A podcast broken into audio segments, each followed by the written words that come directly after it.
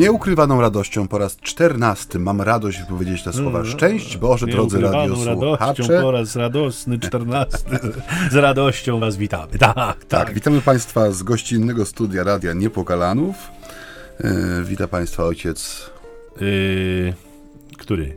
Ja, Michał Tak. Nowak, Franciszka. i ojciec Maciej Baron Werbista. Rozpoczynamy kolejną godzinę audycji między nami homiletami, czyli Ćwierć tony, albo może trochę mniej. tak, bo. Wielki Post jest cały czas Wielki post trwa. trwa. Nasza walka trwa. E, Szanowni Państwo, e, cieszymy się, że jesteście z nami. Dziękujemy za wszelkie formy kontaktu. E, No, odezwiemy się. Jak już będziemy, zbierzemy je wszystkie, to na pewno tutaj będziemy po kolei pozdrawiać te wszystkie miejsca na świecie, które nas, które nas słuchają, czy w których nas słuchano. Jak wiecie, nagrywamy te audycje kilka zwykle od, od razu, więc nie jesteśmy w stanie tak na bieżąco odpowiadać na wasze, na wasze słowa. Natomiast y, pamiętacie już, myślę, ci, którzy nas słuchają regularnie, że zawsze zaczynamy od Ewangelii na daną niedzielę, e, czytamy ją, a potem się próbujemy do niej odnieść, wobec czego pozwólcie, że e, Ojciec Michał swoim miodopłynnym głosem przeczyta Tak. perykopę na trzecią niedzielę Wielkiego Postu z Ewangelii Świętego Łukasza. z 13 rozdziału, wersety od 1 do 9. Nie inaczej. W tym czasie przyszli jacyś ludzie i donieśli Jezusowi o Galilejczykach, których krew Piłat zmieszał z krwią ich ofiar. Jezus im odpowiedział: Czyż myślicie, że ci Galilejczycy byli większymi grzesznikami niż inni mieszkańcy Galilei, iż to ucierpieli? Bynajmniej, powiadam wam. Lecz jeśli się nie nawrócicie, wszyscy podobnie zginiecie. Albo myślicie, że owych osiemnastu, na których zwaliła się wieża w Siloam i zabiła ich, było większymi winowajcami niż inni mieszkańcy Jeruzalem? Bynajmniej powiadam wam, lecz jeśli się nie nawrócicie, wszyscy tak samo zginiecie. I opowiedział im następującą przypowieść. Pewien człowiek miał zasadzony w swojej winnicy figowiec. Przyszedł i szukał na nim owoców, ale nie znalazł. Rzekł więc do ogrodnika: Oto już trzy lata, odkąd przychodzę i szukam owocu na tym figowcu, a nie znajduję. Wytnij go. Po co jeszcze ziemię wyjaławia? Lecz on mu odpowiedział: Panie, jeszcze na ten rok go pozostaw, aż okopię go i obłożę nawozem, i może wyda owoc, a jeśli nie, w przyszłości możesz go wyciąć.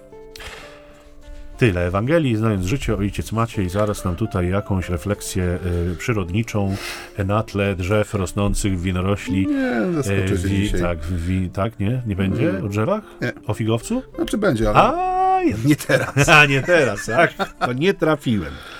No ale ojciec Maciej rozpocznie. No więc dla mnie jest to jeden z najbardziej e, przerażających fragmentów Ewangelii. Oj, oj. E, mianowicie, może nie zacznę od początku, zacznę sobie od środka. E, bardzo rzadko możemy znaleźć słowa Jezusa, które są tak jednoznacznie napawające, no lękiem. Lękiem. E, dwukrotnie powtórzone w tej perykopie słowa, jeśli się nie nawrócicie, wszyscy tak samo zginiecie. Tu nie ma miejsca na rozwodnioną interpretację. Jezus jest w tych słowach bardzo jednoznaczny, odnosi je do dwóch bardzo konkretnych sytuacji, które zostały mu w jakiś sposób przedstawione, czy którymi żyło miasto. E, Czyli można powiedzieć, e, no sytuacji z życia codziennego, tego życia, które Jezus, e, będąc człowiekiem w pełni, prowadził. Prawda? Tak, prawda. 35 groszy. Jest to słowo, które wybrzmiewa nam w trzecią niedzielę Wielkiego Postu, czyli powiedzmy gdzieś tam w połowie tej naszej wielkopostnej drogi. Y, No Wielki Post siłą rzeczy jest czasem, który no, przeżywamy według pewnego scenariusza. Y, Mowa jest oczywiście tutaj o tym wezwaniu do tych trzech pokutnych wymiarów y, y, postu, modlitwy, jałmużny, do tego, żeby przeżyć rekolekcje, żeby się wyspowiadać, żeby podjąć jakieś e, zobowiązania. Niektórzy podejmują umartwienie i przyzwyczailiśmy się do tego, no, że jest to taki okres czasu, no, który, tak jak mówię, po ludzku jest ubrany w jakieś kulturowe, religijne normy i sobie go przeżywamy, a potem jest fajnie, są święta, jest szyneczka, e, sos chrzanowy czy tatarski i, i poświętowa- poświętowaliśmy i, i jest wszystko w porządku. Tymczasem ta dzisiejsza Ewangelia y, y, no, przypomina nam w tych bardzo ostrych słowach Jezusa, które są odpowiedzią na konkretne, konkretne pytanie ludzi. E, przypomina nam o, o, tym, że Wielki Post jest taką sytuacją zero-jedynkową. To znaczy, że Wielki Post przypomina nam o tym, co jest najgłębszym sensem czy przesłaniem y, tego orędzia Jezusa, że to jest zaproszenie do życia, e, tego życia pisanego wielką literą, którego alternatywą jest śmierć, czyli brak życia, absolutny brak życia. I dzisiaj y, ten horyzont, ta perspektywa jest, y, wydaje mi się, trochę poza nami. Tak jak to już kilka razy mówiliśmy, że kiedy wyjmie się cokolwiek z Ewangelii, to ona staje się automatycznie nie sobą. Staje się jakimś podręcznikiem etycznego życia, staje się źródłem pięknych historii, budujących przypowieści, tak, ładnych tak, gestów. To są przykłady takie, można zabudować. Ale jeśli mówię, jeśli cokolwiek wyjmiemy z tej Ewangelii, ona przestaje być sobą. Ona, to już jest, wtedy staje się faktycznym takim dziełem ludzkim, tym lepieniem sobie czegoś na swój obraz, swoje zapotrzebowanie. I dzisiejsza Ewangelia jest Ewangelią, która może zrodzić taką pokusę żeby coś wyjąć z tej Ewangelii. Po co? No po co? No po co straszyć? Po co straszyć, absolutnie. Jeszcze tu nie ma, co prawda mówię o piekle, ale no jest mowa o śmierci, o tym no. przypadku życia. Wszyscy tak samo zginiecie. I mówi to Jezus w odniesieniu dwóch dosyć, y, dosyć y, no, trudnych sytuacji. Pierwsza mówi o tym, że Piłat y, no, zmieszał krew ludzi w świątyni z krwią ich ofiar, czyli mowa jest o jakiejś rzezi, która się musiała dokonać jakimś stłumieniu, być może jakiegoś buntu, czy czegoś, co miało pozór buntu i zostało bardzo radykalnie przez e, rzymskiego okupanta Ziemi Świętej e, rozwiązane. A druga sytuacja, no losowa powiedzielibyśmy, czy budowlana, zawalenie się wieży, no ale też 18 ludzi, którzy, którzy giną przywaleni kupą kamienia, no jest to jakiś rodzaj masakry, yy, używając tego słowa bardzo dzisiaj popularnego, który pobudza bardzo mocno wyobraźnię i yy, wydaje mi się, że prowadzi nas do sytuacji bardzo nam współczesnej. Mianowicie dzisiaj, nie wiem czy ze mną się zgodzisz, mam nadzieję, że się zgodzisz, bardzo popularne jest szukanie winnych. Nie wiem, czy się z tym spotykasz. Z reguły są jacyś oni, oni, oni. którzy mhm. odpowiadają za różnego rodzaju e, nieszczęścia. I w tych sytuacjach, e, dwóch, o których mówi ten rozdział Ewangelii na trzecią niedzielę Wielkiego Postu, jest taka bardzo ludzka sytuacja, kiedy e, szukamy winnych sytuacji, czy tego, co, co złego mnie spotkało, gdzieś poza tą sytuacją.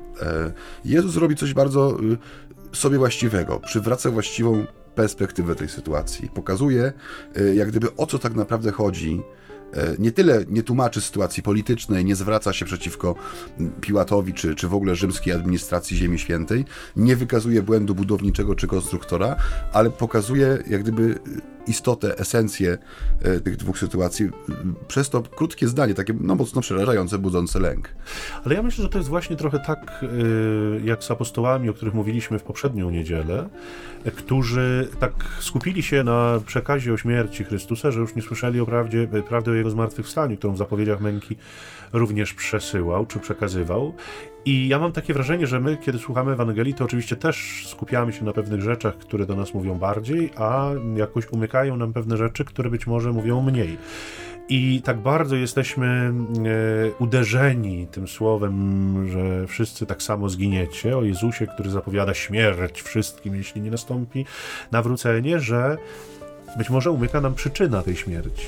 Być może umyka nam to słowo, które jakby e, orzeka o tym, dlaczego Jezus tak mówi.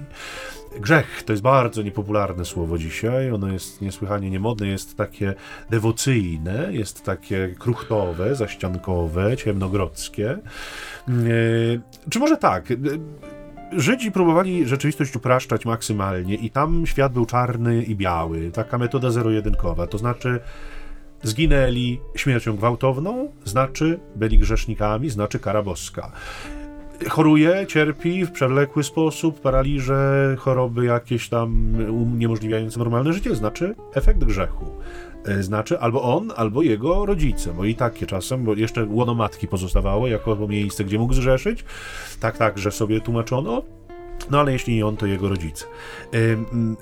I, I, nagle Jezus jakby w klinem w tę, zresztą nie pierwszy raz i nie ostatni, w tę uproszczoną wizję świata, że to wcale nie jest tak, że ci byli większymi grzesznikami, dlatego zginęli, ale wszyscy jesteście grzesznikami i wszyscy zasługujecie na, śmierć. śmierć. Dlatego, że grzech w konsekwencji przynosi śmierć. I choćbyśmy nie wiem, jak zaklinali rzeczywistość, i choćbyśmy nie wiem, jak zaprzeczali i kiwali główką, że nie, to sobie zwichniemy kręgi szyjne, a tej prawdzie nie jesteśmy w stanie zaprzeczyć. Grzech niesie ze sobą śmierć.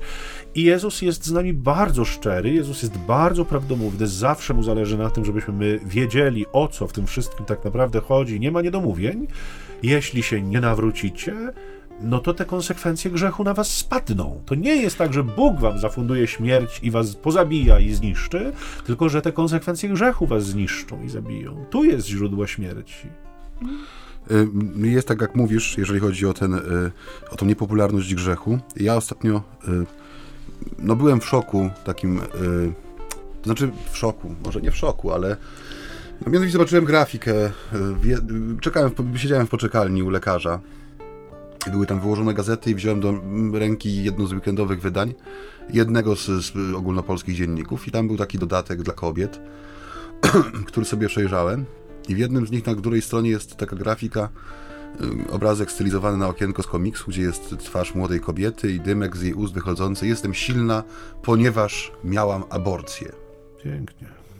I jest y, komentarz y, pani artystki, która te obrazki produkuje, który właśnie potwierdza to, co jest w tym dymku na tym, na tym obrazku komiksowym, że ten y, czyn, którego się dopuściła, y, jest pewnym takim czynem cywilizacyjnym, y, świadczy o tym, że nasze społeczeństwo się rozwija, że osoba, która jest w stanie nie tylko dopuścić się tego w swoim życiu, bez orzekania o, o mówię, tak jak mówię, o jej kontekście, to nie chodzi o konkretny przypadek, tylko tak jak tak. mówię o publikację w prasie, obrazka, ale uzasadnienie pani, która, która wyprodukowała to dzieło, że tak jak mówisz, no, konsekwencje grzechu nas zjedzą. I my no, w tym machaniu głową we wszystkich możliwych kierunkach powoli nabieramy wprawy wręcz olimpijskie. Znaczy, przez długi czas nie ma żadnych objawów na tych kręgach szyjnych. One się mogą kręcić w każdą ze stron no, naprawdę długo. I niestety widzę, że y, nie chodzi mi tylko tutaj o kwestię aborcji. Generalnie chodzi o, o rozumienie grzechu dzisiaj. Y, no jest coś takiego, że zaczarowaliśmy trochę tą, wydaje nam się, że zaczarowaliśmy sobie trochę tę naszą rzeczywistość, że udało się sprowadzić grzech, tak jak mówisz, do kategorii czysto kiedy na przykład, tak jak mówię, no skomentowałbym tego typu y, publikacje, nie wiem, na, na forum publicznym, momentalnie byłbym zakwalifikowany jako religijny oszołom, albo ktoś, kto jest y, z jakiegoś tam obozu, czy z jakiejś tam partii, która, y, która z tego sobie uczyniła bicz Boży na świat. Więc jest no, momentalnie kategoryzacja taka bardzo negatywna, w sensie nie dopuszcza się do tego, do, do świadomości, że, że słowo grzech e, i to, co ono oznacza, że ono określa pewną prawdę niezależnie od wyznawanego światopoglądu, czy, czy życia duchowego, czy religijnego, że grzech, wydaje mi się, y, no, w naszym kontekście, no, grzech jest związany z jakimś prawem, które przeciwko niemu stoi, ale grzech jako grzech, on jest kategorią ponad religijną, ponad y, konfesyjną i, i wypchnięcie go poza nawias, trochę jak wypchnięcie śmierci czy cierpienia, no jest taką plagą dzisiejszego, mm, dzisiejszego świata. I wcale nie sprawia, że on znika. Nie, to nie jest tak, że on znika.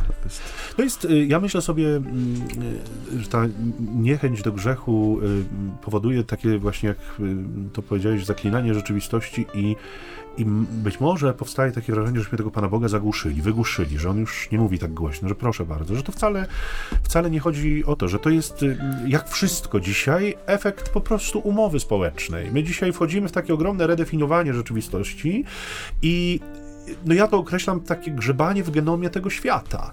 E, my wchodzimy w, w, e, takie pytanie, a kto powiedział? To jest czysto diabelskie pytanie z raju. A kto powiedział? A kto mi zabroni? A kto? A, a o, o, takie e, powiedziałbym jak koguty. No, co to będzie mi tutaj ktoś gadał? Yy, drodzy Państwo, to, to jest niesłychanie rzeczywiście niebezpieczne, bo yy, czyni się to pod pozorem unowocześniania rzeczywistości, że świat zawsze szedł do przodu właśnie przez to, że odrzucał stare zasady, a tworzył nowe, tylko że tak naprawdę jeżeli odrzucamy to, co jest fundamentem, jeśli rezygnujemy z fundamentu, no to zaczynamy wisieć w jakiejś przestrzeni. To jesteśmy jak budowniczy wieży w tak, dzisiejszej no, Ewangelii. Tak, tak. Która, która, jakby nie mamy oparcia, nic nam nie daje oparcia i w związku z tym y, y, y, możemy się znaleźć w sytuacji, że zniszczyliśmy stare, a nie wyprodukowaliśmy nic nowego. No, my stoimy na stanowisku jako ludzie wierzący, że nic lepszego od tego, co Pan Bóg wymyślił, wyprodukować się nie da. W perspektywie myślnej, w perspektywie prawa, w perspektywie mm, tego, co nazywamy często prawem naturalnym, co wie każdy człowiek, prawda? Nie, no prawda, prawda. Nie zabijaj, tak, nie zabijaj, nie kradnij, nie, nie, nie cudzołóż. To są takie prawa, które są wpisane w naturę człowieka i, e, i raczej e, wierzący czy niewierzący, powiedzmy, jesteśmy co do nich zgodni. Ale ale właśnie, e, zmieniamy, kombinujemy, myślimy, a może by się dało bez tego, a może by się dało tu czegoś więcej, a może i wydaje mi się, że znajdujemy się w niesłychanie niebezpiecznym momencie, bo jeżeli uwierzymy, że jesteśmy w stanie stworzyć w tych fundamentach, bo y, y, jeszcze może pół biedy, jeśli w ogóle tak można dzielić biedy na pół, e, pół biedy, jeśli sobie takie dywagacje prowadzimy w przestrzeniach dużo mniej istotnych, takich powiedzmy przypadłościowych, no to jeszcze być może konsekwencje nie będą tak dramatyczne, ale jeżeli w fundamentalnych kwestiach zaczynamy grzebać, jeżeli zaczynamy zmieniać prawo do życia, jeżeli zaczynamy jakby majstrować przy, przy najbardziej podstawowych kwestiach, to konsekwencje tego będą tragiczne. To będą e, konsekwencje, które będą się wiązały ze śmiercią. I to także z tą fizyczną, nie tylko, bo rzecz jasna najgorszą śmiercią, którą nam przynosi grzech, jest śmierć duchowa, śmierć wewnętrzna. Ona jest o tyle niebezpieczna, czy dużo bardziej niebezpieczna niż fizyczna, bo fizyczną jesteśmy w stanie przewidzieć, jesteśmy w stanie jej przeciwdziałać czasem, jesteśmy w stanie się przed nią w jakichś sytuacjach, rzecz jasna, uchronić, a duchowa działa cicho, podstępnie, duchowej nie czuć, nie boli. Ona przychodzi w taki trochę niezauważony sposób, właśnie poprzez fakt tego, że człowiek traci jakby czujność i traci azymut, traci punkty odniesienia, traci jakąś orientację w terenie i zaczyna obumierać wewnętrznie z tej prostej przyczyny, że nie jest w stanie złapać kierunku, w którym powinien iść, w którym powinien się rozwijać. Więc jeśli to nam się stanie, jeśli to nam się zdarzy, jeśli w istocie będziemy grzebać w tych fundamentach naszego świata, czy ja tak mówię, jeśli, gdyby, ale to wszystko niestety się dokonuje na naszych oczach, no to konsekwencje już odczuwamy, już widzimy. To są miliony ludzi, którzy giną zanim się jeszcze narodzili. To są y, inni ludzie, którzy giną w kontekstach, w których w żadnym wypadku nie powinni zginąć, wyzyskiwani, e, nie zaopatrywani w, potrzeby, w potrzebne, najbardziej fundamentalne rzeczy no i moglibyśmy mnożyć, mnożyć i mnożyć. Nie? To ci, którzy, którzy są chorzy i są nieproduktywni, którzy są niepotrzebni i tak dalej, i tak dalej. To y, zaczyna się robić naprawdę nieludzko wokół nas, a wynika to z prostej przyczyny. Kto powiedział, że nie można? Tak się tylko społeczność umówiła, a my to dzisiaj zmienimy. Jest to taki bardzo wielkopostny temat i wydaje mi się, znów używam tego słowa, wydaje mi się, wydaje mi się, że będziemy musieli założyć drugi słoik na Wydaje mi się. Ale wydaje mi się, że mm, warto sobie w Wielkim Poście te rzeczy, o których zacząłeś tutaj mówić i nie skończyłeś tej myśli, y, ponazywać. Y, ponazywać te rzeczywistości i przestrzenie, w których, tak jak mówisz, człowiek e, ewidentnie gubi mm, jakiś podstawowy kierunek sobie właściwy. Inaczej, przestaje żyć na sposób ludzki, bo wydaje mi się też, że trzeba tutaj e, zaznaczyć, że to odejście Mm, odejście czy oddalenie się, nie tyle tutaj od rozumienia grzechu, ale już mówię bardziej pierwotnie, e, oddalenie się od Pana Boga w swoim życiu e, powoduje nie tylko jakieś zagubienie, ale powoduje, że człowiek przestaje żyć na sposób ludzki. No bo czymże jest e, jakieś zanurzenie się w słabości i grzechu, nie tylko powodem do, nie wiem, publicznego potępienia czy jakiejś stygmatyzacji, ale mówię w wymiarze takim osobowym. Czym jest? No jest życiem coraz mniej na sposób ludzki no, weźmy takie skrajne przypadki, kiedy, nie wiem, moim życiem zaczynają rządzić alkohol, narkotyki, pornografia, yy, cokolwiek. Kiedy coś bierze mnie we władanie, no najczęściej, kiedy spojrzymy na zewnętrzne efekty tego, co się dzieje z człowiekiem, no to mówiąc tak bardzo kolokwialnie, następuje pewne zezwierzęcenie człowieka. W tych skrajnych przypadkach, tak jak mówisz, gdzie, gdzie kończy się to czasami fizyczną śmiercią. Tak jakimś smutnym końcem, nagłym końcem. Co się dzieje, kiedy y, y, y, coś bierze mnie w posiadanie? Czy to będzie, no dajmy na to ten przysłowiowy pieniądz, ta mamona. Jedyne słowo, oprócz słowa Abba w języku aramejskim, które pojawia się w Ewangelii w ustach Jezusa, niejako przeciwstawiając dwie zupełnie e, różne wizje życia i świata. Czyli Abba, czyli zwrócenie się do Ojca, który porządkuje mi rzeczywistość i Mamona, która bierze mnie w posiadanie. Nie miłuje mnie, ale bierze mnie w posiadanie. No kiedy człowiek jest zaślepiony przez jakąś formę chciwości, czy skoncentruje się tylko i wyłącznie na tym, żeby mnożyć to, co posiada, to tak jak mówisz, w końcu wokół niego pojawią się ludzie, którzy będą przez niego traktowani jak rzeczy pojawią się ludzie, którzy będą musieli zapłacić cenę jego dobrobytu, jego bogactwa. No bo nie ma tak, żeby coś nam rosło e, kosztem e, tylko i wyłącznie, nie wiem, procentów, odsetek i tak dalej. Nie ma. Gdzieś musi być ktoś, komu coś będzie odebrane, kto coś utraci, kto będzie potraktowany jak przedmiot. I e, jak mówię, Wielki Post jest takim dobrym czasem, żeby się w koło rozejrzeć i zobaczyć, bo to my czasami tak sobie to wyobrażamy znów, że to są rzeczy, o których mówimy, że to są jakieś gdzieś tam odległe, w jakiejś kapitalistycznej, e, dzikiej Ameryce albo na jakimś dzikim wschodzie. Nie. Popatrzmy wokół siebie. Czasami może popatrzmy też na nasze domostwa, na nasze rodziny, na nasze miejsca pracy, może na pracę, którą sami dajemy innym. Czy nie ma w nas y, tej śmierci grzechu, czyli tego, tego momentu, w którym coś bierze mnie we władanie, coś bierze górę nad moim rozsądkiem, moją też y, wiernością pewnym prawom i zasadom, które no, wypływają z bliskości Pana Boga w moim życiu. No bo jednak ta bliskość, ona rządzi się pewnymi prawami. I to ma odniesienie do każdej relacji, także tej relacji oblubieńczej, relacji przyjaźni, miłości, że tam, gdzie ona zaistnieje, rodzą się pewne prawa, rodzą się pewne zachowania. Jeśli y, ona się rozluźnia, czy umiera, no wchodzą, tak jak mówisz, siłą rzeczy, yy, inne rodzaje rozumienia. A któż powiedział? A, a, a kto twierdzi, że tak musi być, a nie inaczej? I ten tekst Ewangelii dzisiejszej, on jest takim, no mówię, to jest jeden z takich straszniejszych tekstów. On jest potężnym dzwonem takim wzywającym do tego, żeby te słowa przeczytać. Jeśli się nie nawrócicie, wszyscy tak samo zginiecie. To jest los człowieka, który no, odrzuca y, pewną prawdę, pewną propozycję Jezusa, ale też pokazuje jego, jego pragnienie, jakie jest jego pragnienie. Tu nie chodzi o to, żeby człowieka wychłostać i przeczołgać, tylko chodzi o tą pełną bliskość z Panem, która w Jezusie jest człowiekowi dana.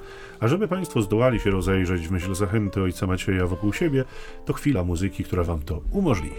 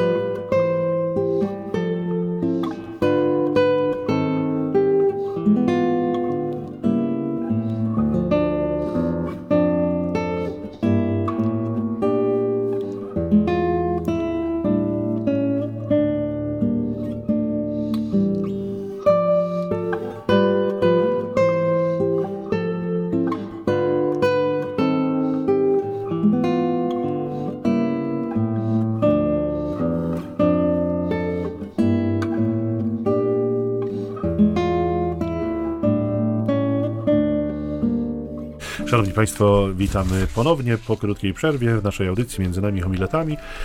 Mówiliśmy już o grzechu i o jego śmiercionośnej naturze. Nie Pan Bóg karze za grzech, bo nie musi. Nawet gdyby chciał, to naprawdę nie musi, dlatego że w samym grzechu jest ukryta kara, w samych jego konsekwencjach tkwi tak naprawdę coś, co jest śmiercionośne. Natomiast Pan Bóg y, nie wróży, nie wieszczy nam kary za grzech. On nas uprzedza w swojej miłości wobec y, konsekwencji, które grzech przynosi. I co więcej, wskazuje nam na rozwiązanie możliwe tej sytuacji, na jej uniknięcie, na uniknięcie śmierci, która z grzechu płynie i z grzechem jest związana. I oczywiście y, mówi o nawróceniu mhm. o przemianie myślenia. No to nawrócenie, rzecz jasna, możemy rozumieć wielorako, e, na różne sposoby. E, ja y, dzisiaj tak w tym słowie słyszę wezwanie do nawrócenia, które wyrażałoby się w takim powtórnym zaufaniu Y, prawu Bożemu. Rzecz jasna, w tym szerszym kontekście, nie tylko w kontekście tych y, najprostszych przepisów prawa, do których należy choćby 10 przykazań Bożych, ale y, w tym prawie miłości, które Jezus przyniósł na ziemię i które wyraził w swoim nauczaniu. Dlaczego to takie ważne? No, zaufanie prawu Bożemu jako darowi tej miłości Boga wiąże się z taką świadomością i takim głębokim przekonaniem wewnętrznym, że Pan Bóg zna instrukcję obsługi człowieka. tego świata i człowieka w nim. I to znowu tak obrazowo mówiąc, drodzy Państwo, no jeżeli sobie kupimy pralkę automatyczną, nowoczesną, y, której instrukcję obsługi odłożymy na półkę i w żaden sposób się z nią nie zapoznamy i włożymy to pranie do środka i wsypiemy ten proszek nawet w takie miejsca, w które wydaje nam się, że powinniśmy byli je y, y, włożyć i nasypać. I podłączymy pralkę do prądu, a potem wciśniemy wszystkie możliwe guziki, jakie w tej pralce są, przekręcimy w różne strony wszystkie możliwe pokrętła, a po chwili y, pralka zaciągnąwszy wodę nam ją odda na podłogę i popsuje się, to nie powiemy, że ukarał nas producent pralki. Nie, powiemy, że efektem naszej głupoty i faktu tego, żeśmy się nie zapoznali z instrukcją obsługi pralki, pralka nam się popsuła i ponosimy wyłącznie tego konsekwencje. Trochę analogicznie jest z prawem Bożym. Jeżeli żyjemy obok, jeżeli ono nas nie interesuje, jeżeli się z nim nie zapoznajemy, no to konsekwencje, które ponosimy, nie są karą twórcy prawa, tylko są konsekwencją naszej niefrasobliwości, w której efekcie jakby nie interesuje nas instrukcja obsługi. E, a zatem nawrócenie jako powtórne zaufanie temu, który daje prawo, jako zaufanie temu, który jakby jest gotów nam te instrukcje czytać, czytać ją nawet razem z nami, nie? wyjaśniać ją, e, rozkładać to wszystko na czynniki pierwsze po to, żebyśmy zrozumieli i po to, żebyśmy nie dokonywali destrukcji e, starego świata, próbując zbudować nowszy. No bo oczywiście my się możemy zaprzeć nogami i powiedzieć, ja będę tej pralki używał tak, jak ja chcę. I nie jest wcale wykluczone, że ona będzie działać. Ona może działać. Przez tydzień. Przez tydzień, ale może też działać dłużej, tylko że będzie żarła pięć razy więcej prądu, będzie zanieczyszczać środowisko, środowisko, być może nastąpi jakieś przebicie i ktoś podejdzie i straci życie, to będzie mocno niebezpieczny element w naszym życiu, który może ostatecznie doprowadzić do katastrofy. Kiedy miałem lat y, bodajże 5 albo 6, czyli kiedy byłem małym chłopcem, tak. Mm, no, Zapomniałeś. Nie, chcę ubrać to w słowa, tak. tak. Dobrze. Miałem taką sytuację. O. Podczas której y, udało mi się wspiąć y, na taki daszek szopy y, w domu mojego wujka, ponieważ dzieci no, mają podobno do siebie, że w pewnych sytuacjach nie odczuwają lęku. Tak się mówi. Czyli na przykład dzieciak jest zdolny, co też mi się zdarzyło, organoleptycznie sprawdzić, dlaczego babcia kładzie czajnik na płycie pieca i ten czajnik dymi. To podobno był mój pierwszy przypadek wizyty na tym, co dzisiaj znamy jako SOR, o. a kiedyś nazywało się to pogotowiem ratunkowym, ponieważ położyłem rączkę na rozgrzanej płycie rączkę. pieca. Właśnie zapytać o organ, którym... Nie, rączkę, rączkę, rączkę, tak. Dobrze. I e, e, mój wujek, widząc, że się wspiąłem, z jednej strony pochwalił moją, e, moją odwagę, ale z drugiej strony przestrzegł mnie, że kiedy zrobię jeszcze parę kroków i ten daszek się skończy dosyć gwałtownie, to mogę spaść i się potłuc. I e, e, tak pomyślałem o tej sytuacji, no bo z, dzisiaj no, może nie mam lęku przestrzeni, ale raczej unikam wspinania się na miejsca, które są ku temu nieprzeznaczone, no bo wiem, czym to grozi. Wiem, że mogę się potknąć, może mi się, nie wiem, mogę się pośliznąć i spaść i się zabić. Więc na pewno bym nie wlazł na taką konstrukcję chybotliwą i wysoką. Ale do czego zmierzam? E, oprócz tej niechęci czy wyparcia tego grzechu z takiej powszechnej świadomości, oprócz niechęci do czytania instrukcji obsługi, ponieważ my wszystko intuicyjnie wiemy, już wiemy. Wiemy lepiej. Jest cały czas w, w, nas, wydaje mi się, miejsce i podatność na przestrzeżenie przed konsekwencjami. To jeżeli jest, nie wiem, czy masz w takim w swoim życiu takie sytuacje, ale y, trudno jest dzisiaj mówić do człowieka o tym, że jego czyny mają konsekwencje. Nie wiem, czy to zauważasz, ale jest coś takiego, że y, żyje się dzisiaj bardzo szybko. Y, niektóre, nie wiem, nasze wybory, decyzje, działania, gesty, one przynoszą konsekwencje nie natychmiastowe. Tak, tak. I one często, y, ich świadomość gdzieś tam ginie. Więc głos, który przestrzega przed konsekwencjami w świecie, który pędzi, no wydaje się głosem jakimś anachronicznym. No bo o czym ty tutaj mówisz, skoro ja już jestem trzy przystanki dalej? Ja już ujechałem w swoim życiu kolejny etap, kolejny dystans. Mnie już nie obchodzi to, co było tydzień, miesiąc, rok temu. Gdy tymczasem no, siłą rzeczy m, tych konsekwencji doświadcza, no bo człowiek przed tym nie ucieka. Nie ucieka. I y, Jezus w Ewangelii, szczególnie dzisiaj, y, pokazuje tego, tak, ja to tak odbieram, pokazuje dwie kluczowe rzeczywistości. Z jednej strony pokazuje, kim jest Bóg. Znaczy, Bóg jest tym, i to jest unikalne dla chrześcijaństwa, i tego nie ma żadna inna religia E, że Pan Bóg pragnie bliskości z człowiekiem, pragnie e, to nawrócenie się, o którym mówi e, Jezus dzisiaj do swoich słuchaczy, no nie jest niczym innym, jak wejściem w tą wspólnotę z Panem Bogiem, która jest dostępna. Ona nie jest zarezerwowana, ona nie jest główną nagrodą na loterii, gdzie jest tylko jeden szczęśliwy los. Nie, ona ci jest dana. I oprócz tego Pan Jezus jest no, idealnie wcielony, jest obecny w tym świecie, w którym walą się wieże, w którym dokonują się rzeczy, które nas przerastają ze względów politycznych, gospodarczych, ekonomicznych, w których każdy twój czyn ma, każdy twój czyn ma swoje własne konsekwencje i on jest tym głosem, który nam przypomina o, z miłości o konsekwencjach naszego postępowania. Także tak jak tutaj wrócę do tego, co mówisz. Drugą stroną tego medalu odrzucenia grzechu, nie wiem, czy to też zauważasz, jest bardzo często pojawiający się głos, że to Pan Bóg każe, nie? że to Pan Bóg tak jakoś, nie wiem, e, układa, że to Pan Bóg zdecydował. Szczególnie w przypadkach granicznych, nie wiem, ciężkiej choroby, trudnego doświadczenia życiowego, pojawia się ta myśl. Oczywiście trzeba do niej podejść z szacunkiem, jak do każdej ludzkiej myśli i do każdego ludzkiego y, y, odczucia i doświadczenia, ale ono jest, jak gdyby zauważ, że tam, gdzie jest dalej od tego, to co nazwałeś tym Bożym prawem w życiu człowieka, tam bardzo często Pan Bóg pojawia się w tej roli E, przepraszam, użyję tutaj e, słów księdza Kaczkowskiego świętej pamięci, tego gromowładnego dziada, który z nieba, z chmury strzela strzałami i rozdaje raka, wyrew, bankructwo, wypadek samochodowy, żeby nas czegoś nauczyć, żeby pokazać swoją wyższość. Nie jest tak. Y, dowód na to jest w dzisiejszej Ewangelii. Głos Boga to jest głos, który mówi ci z jednej strony zapraszam cię do wspólnoty z sobą, z drugiej strony są konsekwencje y, wszystkich twoich czynów. One no są, tak, tak jest skonstruowany ten świat, y, że te, te kręgi na wodzie rozchodzą się w sposób bardzo szeroki i no nie ma czynu, który by się bez tych kręgów na wodzie mógł obejść. One są. Tak, wydaje mi się też, że, że pewne słowa stają się coraz mniej zrozumiałe na przykład ta kwestia nawrócenia się nawrócić się. My żyjemy w epoce medialnej i media mają też to do siebie, że jakby trochę też pomagają w redefiniowaniu i pokazują e, e, wybrane znaczenia pewnych wyrażeń. Kwestie nawrócenia w mediach najczęściej pokazywane są jako przejście od skrajnej niewiary, połączonej niejednokrotnie z taplaniem się w najgorszych przywarach ludzkich, do no powiedzielibyśmy takiej skrajnej bliskości z Bogiem, czyli no, zaangażowania we wszystkie możliwe wspólnoty, grupy e, takiego bardzo intensywnego życia duchowego, które niejednokrotnie wiąże się również z jakimiś formami ewangelizacji, świadczenia. I trochę nam to chyba zostaje w myśli, w pamięci, i my mamy takie jakby szufladkowanie, że skoro ktoś mówi nawrócić się, to w zasadzie mnie to nie dotyczy, no bo wiadomo, że nawrócić się to można, jak człowiek jest y, jakby gdzieś na jednym ekstremum, do jakiegoś drugiego ekstremum. To bardzo ładnie obrazuje taka historia, którą ja kiedyś już bodaj tutaj na antenie opowiadałem, e, a może nie, zresztą najwyżej się powtórzę.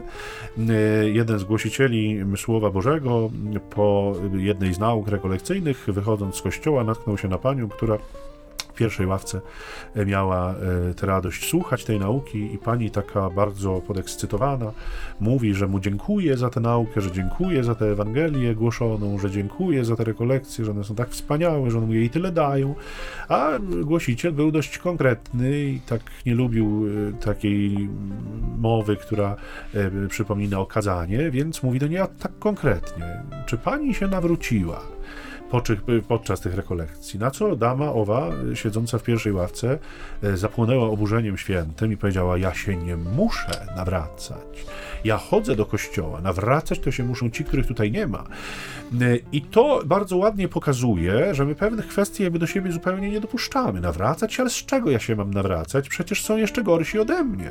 Niech oni się nawracają. To jest taka rzecz, która nie wiem jak ci się zdarza, ale mnie się często zdarza słyszeć, czy w konfesjonale czy poza konfesjonalem, tak ogólnie możemy o pewnych rzeczach mówić. Y, no z czego ja się mam spowiadać? No to co tam człowiek nagrzeszy? Nikogo no, nie zabiłam, tak, nic ja, nikomu nie ukradłem. Tak, ja, ja mam proszę ojca takie grzechy jak wszyscy. Ja mówię, naprawdę? Naprawdę takie? To straszna rzecz. Ale jak to straszna? No, to są takie, prawda, słowo, słowa wytrychy, tak, 37 groszy, czy ileś tam już. To są te słowa, które, które straciły swoje znaczenie. Nie? Jezus dzisiaj mówi, nawróć się do ciebie. Nie do wszystkich wokół, nie do tych gorszych od ciebie, nie do tych, którzy muszą z jakiegoś ekstremum się wyrwać, nie do tych, którzy są już na dnie, bo dla niego my wszyscy jesteśmy gdzieś na dnie. I nie dlatego, że Bóg tak chce, tylko dlatego, że zobaczcie, drodzy, my musimy sobie sięgnąć do tego, czym jest grzech. Grzech nie jest wypadkiem przy pracy. Grzech nie jest jakąś e, pomyłką. Grzech nie jest czymś, co nam się zdarzyło. Grzech jest świadomym i dobrowolnym odwróceniem się od Boga. My w ten sposób osiągamy dno, takie przysłowiowe w cudzysłowie.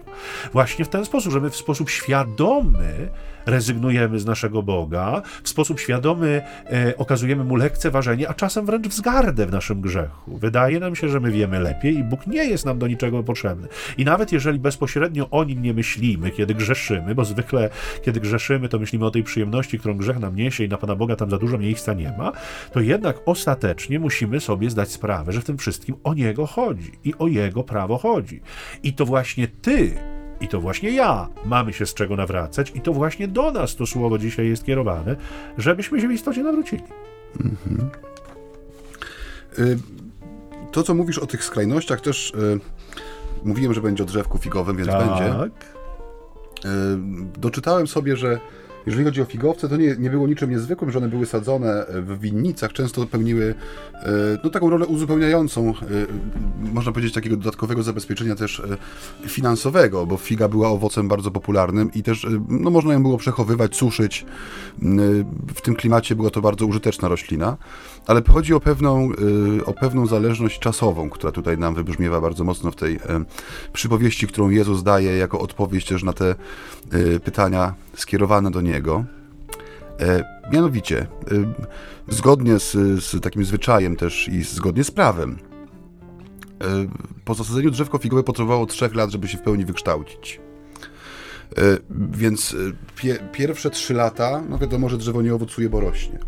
Następnie, jak podają nam e, mądrzy ludzie, trzy lata, czyli rok czwarty, piąty i szósty, kiedy wydawało owoce, ten owoc nie był dostępny dla właściciela zgodnie z jednym z przepisów prawa, który regulował także korzystanie z dóbr siódmy rok drzewka, można powiedzieć, czyli czwarty rok owocowania, to był ten rok, który owoc był przeznaczony dla Pana czyli należało go y, w jakiś sposób ofiarować Panu. Więc dopiero rok ósmy i dziewiąty w tym cyklu trzyletnim to był czas, kiedy właściciel drzewa mógł przyjść i korzystać z jego owoców w pełni. Mamy tutaj sytuację, w której ewangelista wyraźnie nam podaje słowa Jezusa, który pokazuje nam właściciela, który przychodzi po trzech latach i już jest zniecierpliwiony, że nie ma na nim owocu. Otóż trzy lata przychodzę mm, i szukam owocu na drzewie. I y, wydaje mi się, że ma to też y, tutaj y, taki mm, wydźwięk dla nas, którzy staramy się przeczytać tę Ewangelię też w perspektywie dzisiejszej, a szczególnie w tej perspektywie wielkopostnej że zapominamy o tym, że nawrócenie to też jest proces. Tak jak mówisz, media dzisiaj pokazują, czasami te media nasze takie kościelne, ale też ogólne media, jeżeli chodzi o co jest atrakcyjne. Atrakcyjne są właśnie te zmiany o 180 stopni. Że ktoś dzisiaj y, tapla się w błocie, a jutro y, jest miastem położonym na górze. Albo odwrotnie. Ktoś stoi wysoko na świeczniku, to ostatnio też jest takie no, to dosyć... ciekawsze jest. Tak, tak, i nagle y, znajduje się zupełnie z drugiej strony i jest unurzany w tym... Trudno mówić o nawróceniu. W tym błocie. To jest raczej odwrócenie, ale mi chodzi o pewien mechanizm, tak, nie chodzi mi tak, o termin tak. tutaj nasz, który nas interesuje. I Jezus jest, wydaje mi się, jak najbardziej świadom tego, że to nawrócenie jest procesem i dlatego jest konieczna owa przestroga przed konsekwencją. Bo Jezus, tak jak mówisz, on doskonale, on instrukcję obsługi człowieka, można powiedzieć, ma w sobie. I on doskonale wie, jak człowiek funkcjonuje. Że owszem, jesteśmy zdolni do gwałtownych zwrotów, ale normalnym działaniem człowieka, normalną dynamiką jego działania jest pewien proces. Y, tak jak dzieje się to w przypadku słowa, które musi być usłyszane, przyjęte sercem, przeżyte i wydaje owoc.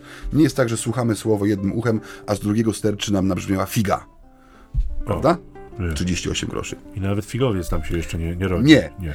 I e, ta znajomość psychiki też człowieka, ona jest dla nas w Wielkim Poście bardzo istotna, bo tak jak mówisz, bardzo łatwo jest często pobudzić emocje. E, Pięknym słowem, zgrabnym przykładem.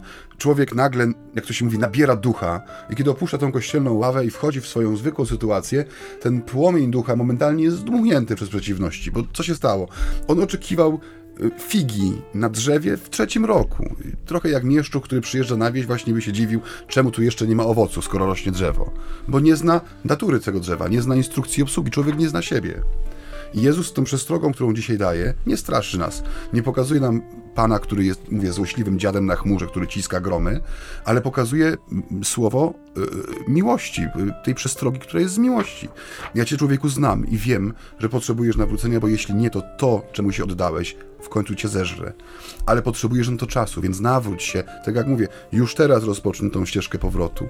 E, Już teraz rozpocznij lekturę instrukcji obsługi, żebyś ósmego roku czy dziewiątego roku tego rośnięcia Twego drzewa mógł z radością zerwać z niego owoc.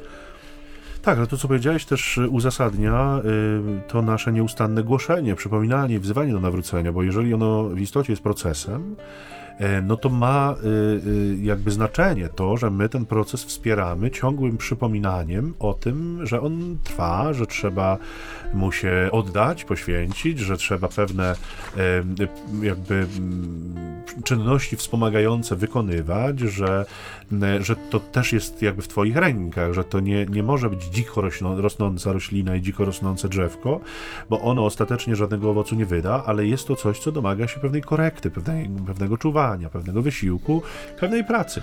A zatem y, y, ma sens jakby nauczanie Kościoła, ma sens głoszenie Ewangelii, ma sens chodzenie do spowiedzi, nawet jeśli y, przychodzicie i mówicie, no w zasadzie chyba wszyscy przychodzimy i mówimy, że no ciągle to samo, ciągle te same grzechy, ciągle wracam jakby do tych samych wad, nie, nie mam się w sobie siły się wyrwać, pomijając już kontekst tego, na ile realnie nad sobą pracujemy, bo to też pewnie jest temat na oddzielną zupełnie audycję. Natomiast e, biorąc pod uwagę procesy duchowe, które się w nas dokonują, to ta, to czuwanie i ta, ta, to poddawanie też swojego procesu nawrócenia jakiejś ocenie, czy, czy korekcie, czy obserwacji kogoś z zewnątrz, kto jest w stanie e, zobaczyć to innymi oczami, Czyli ogrodnika. ogrodnika, ma to jednak sens i ma to znaczenie.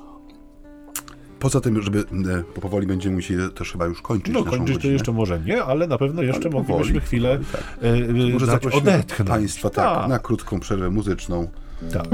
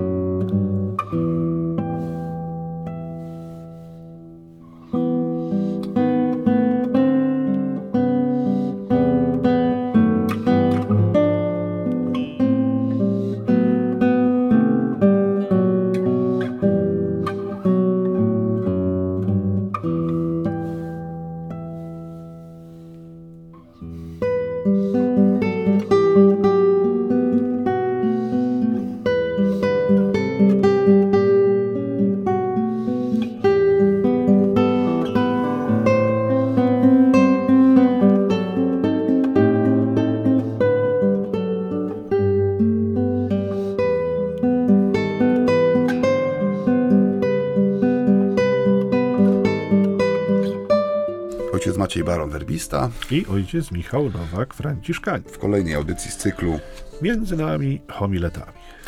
Y, Mówiliśmy sobie przed tą muzyczną przerwą o no, o tym, o czym mówimy od y, już dłuższego czasu, czyli o grzechu, jego konsekwencji, ale też o słowie miłości, y, które jest słowem przestrogi w dzisiejszej Ewangelii, przed konsekwencją y, naszego ludzkiego postępowania. Mówiliśmy o tym, że Jezus zna człowieka, ponieważ jego wcielenie nie jest symboliczne, nie jest abstrakcyjne, ale jest jak najbardziej prawdziwe, rzeczywiste. Jest ciągle aktualne. I przed przerwą powiedziałeś bardzo fajne słowa, które wydaje mi się mogą stanowić taką zachętę, która będzie płynęła z dzisiejszej audycji e, dla wszystkich, którzy nas słuchają, ale także dla nas samych. Mianowicie e, Dzisiaj bardzo wiele rzeczy pozostaje e, niejako poza naszym zasięgiem, jeżeli chodzi o, o takie panowanie nad, nad życiem. Często właśnie przez ten pęd, przez taki bieg od, od jednej do drugiej sprawy, przez to zabieganie codzienne, zajęcie różnymi szlachetnymi i potrzebnymi sprawami, ten czas, który mamy do dyspozycji, na inne aktywności niż te, które są konieczne, bardzo często się kurczy. I y, nawrócenie, czy, y, bo to jest taki te termin techniczny, no, ja, ja zawsze lubię go odczytywać no, poprzez to zwrócenie się do Pana, w sensie budowanie jakiejś z Nim relacji, oparcie się na Jego słowie, wierność Jego obietnicy, gotowość do tego, żeby rzeczywiście Mu zaufać, tak bardzo po dziecięcemu, po ludzku. Jest także wezwanie do tego, żeby wziąć w swoje ręce, tak jak mówisz, ten proces pracy nad sobą, że ta praca nad sobą, jakkolwiek, y, tak jak mówisz, że to temat na osobną i pewnie nie jedną audycję, to jest jedna z niewielu rzeczy, którą autentycznie mamy we własnych rękach. Y, że jeśli uświadomię sobie, że y, ta przestroga, która płynie z dzisiejszego słowa, tak jak mówię, to nie jest absolutnie straszenie, to nie jest jakieś stygmatyzowanie, ale to jest pokazanie, że jest masa rzeczy do zrobienia w Twoim, w moim życiu. Y, jeśli chcemy się nawracać, jeśli chcemy zmieniać to, co jest y, już w nas jakimś takim posiewem śmierci, czyli grzechu, jakąkolwiek formą przywiązania się do tej słabości, czy przyzwyczajenia się do tego, że jest tak jak jest i już pewnie inaczej nie będzie, to zobacz, jakim fascynującym polem do pracy jestem ja sam dla siebie. Oj tak. I e, jaką satysfakcję daje mi wyrywanie po kawałku tego poletka, na którym mogę zasadzić to drzewko figowe i, i pracować cały czas, żeby ten ósmy czy dziewiąty rok, używając tego, tego języka biblijnego, był tym czasem owocowania. E, to nam też gdzieś ucieka, ta radość, radość, bo to powinna być radość, która wypływa z autentycznego wysiłku, który wkładam w pracę nad sobą. Nie jakieś wstrzymywanie się czy siedzenie na wdechu, ale autentyczny wysiłek odwracania swoich ścieżek. Ale to jest trochę, mój drogi przyjacielu i szanowni państwo, jak z odchudzaniem. Bo jeżeli człowiek się za to weźmie i widzi efekt, i widzi, że to idzie, ja sam tego doświadczyłem kilka lat temu, miałem taką okazję, no to motywacja jego natychmiast wzrasta i to rzeczywiście rodzi radość i chce się i się szuka jeszcze innych nowych dróg, tak zupełnie mówiąc banalnie. Z życiem duchowym jest dokładnie tak samo, ale żeby zacząć i żeby e, móc zaobserwować pierwsze efekty, to trzeba konkretu. Nigdy człowiek nie schudnie, jeżeli sobie siądzie i powie, no to od jutra. Od jutra się odchudzam. To jest od jutra, dieta, tak. tak. I y, y, y, wyjątek tylko dzisiaj tylko dzisiaj taki wyjątek sobie poczynię. E, natomiast chcąc rzeczywiście schudnąć, no trzeba podjąć jakiś konkretny plan pracy nad sobą i go bardzo konkretnie i restrykcyjnie przestrzegać. W życiu duchowym jest dokładnie tak samo. Ojcowie życia duchowego mówią wprost. Jedna wada, bardzo konkretny czas, w którym będę nad nią pracował i bardzo ściśle określone środki, którymi się do tego zabiorę. Jeżeli my zostajemy na dużym poziomie ogólności, mówimy postaram się, żeby było lepiej, to nigdy się nic w naszym życiu duchowym nie zmieni. Jeżeli y, naiwnie mówimy zrobię ze wszystkim porządek, no to energia nam się rozprasza i oczywiście nie robimy z niczym porządku. Ale jeżeli ja sobie mówię, biorę na przykład moje gadulstwo na tapetę na ten miesiąc, na przykład, albo na dwa najbliższe, i będę nad nim pracował w taki, w taki, jeszcze inny i w jeszcze inny sposób, powiedzmy cztery określam takie metody, no to po pierwsze, zyskuję materię na tak zwane rachunki sumienia szczegółowe które kiedyś były czymś oczywistym w życiu duchowym, dzisiaj nie są. Rachunek sumienia ogólny, który winniśmy wykonywać codziennie, no to zwykle wieczór i podsumowanie dnia. Rachunek sumienia szczegółowy to zwykle południe i badanie tej jednej wady, z którą walczę. Sprawdzanie, korygowanie, czy mi idzie. Ale rzecz jasna, po tym miesiącu czy dwóch, w zależności od tego, ile sobie wyznaczyłem, badam już cały, cały jakby ten okres czasu i sprawdzam czy wada była właściwie wybrana, bo może była zbyt, trudna jak na początek, może trzeba wybrać inną, łatwiejszą. Czy czas był wystarczająco długi, bo może ta wada akurat domaga się tego, że trzeba jej poświęcić trochę więcej czasu. I czy metody, którymi się jakby posługiwałem, były odpowiednie, bo być może trzeba je skorygować. To czyni e, proces pracy nad sobą czymś twórczym czymś y, aktywnym, czymś, co ja badam, co ja sprawdzam, do czego ja mam dostęp, co ja prowadzę, co ja tak naprawdę robię. I co więcej, taki, taka praca nad sobą jest szansą, czy daje duże prawdopodobieństwo tego, że coś się w moim życiu zacznie zmieniać. Podczas gdy ogólne postanowienie poprawy, postaram się, żeby było lepiej, gwarantuje, że nic się w moim życiu absolutnie nie zmieni. Mówimy o tym, drodzy Państwo, dlatego, że jest połowa Wielkiego Postu. I czas pewnie te kilka słów na temat naszych spowiedzi, na temat naszego nawracania, na temat naszej przemiany życia. E, więc może to jest jakiś sposób, może to jest e, znowu sięgnięcie do sprawdzonych, wypróbowanych katolickich środków, które, tak jak powiadam, ojcowie życia duchowego e, prowadzili czy proponowali od dawna i to są rzeczywistości, które działają. Bo często jest tak, że nasza spowiedź wielkopostna czy rekolekcyjna, ona jest dokładnie tym, o czym mówi ta przypowieść mm, Jezusa dzisiaj w Ewangelii jest takim y, elementem kulturowym, który jest wpisany w tradycję.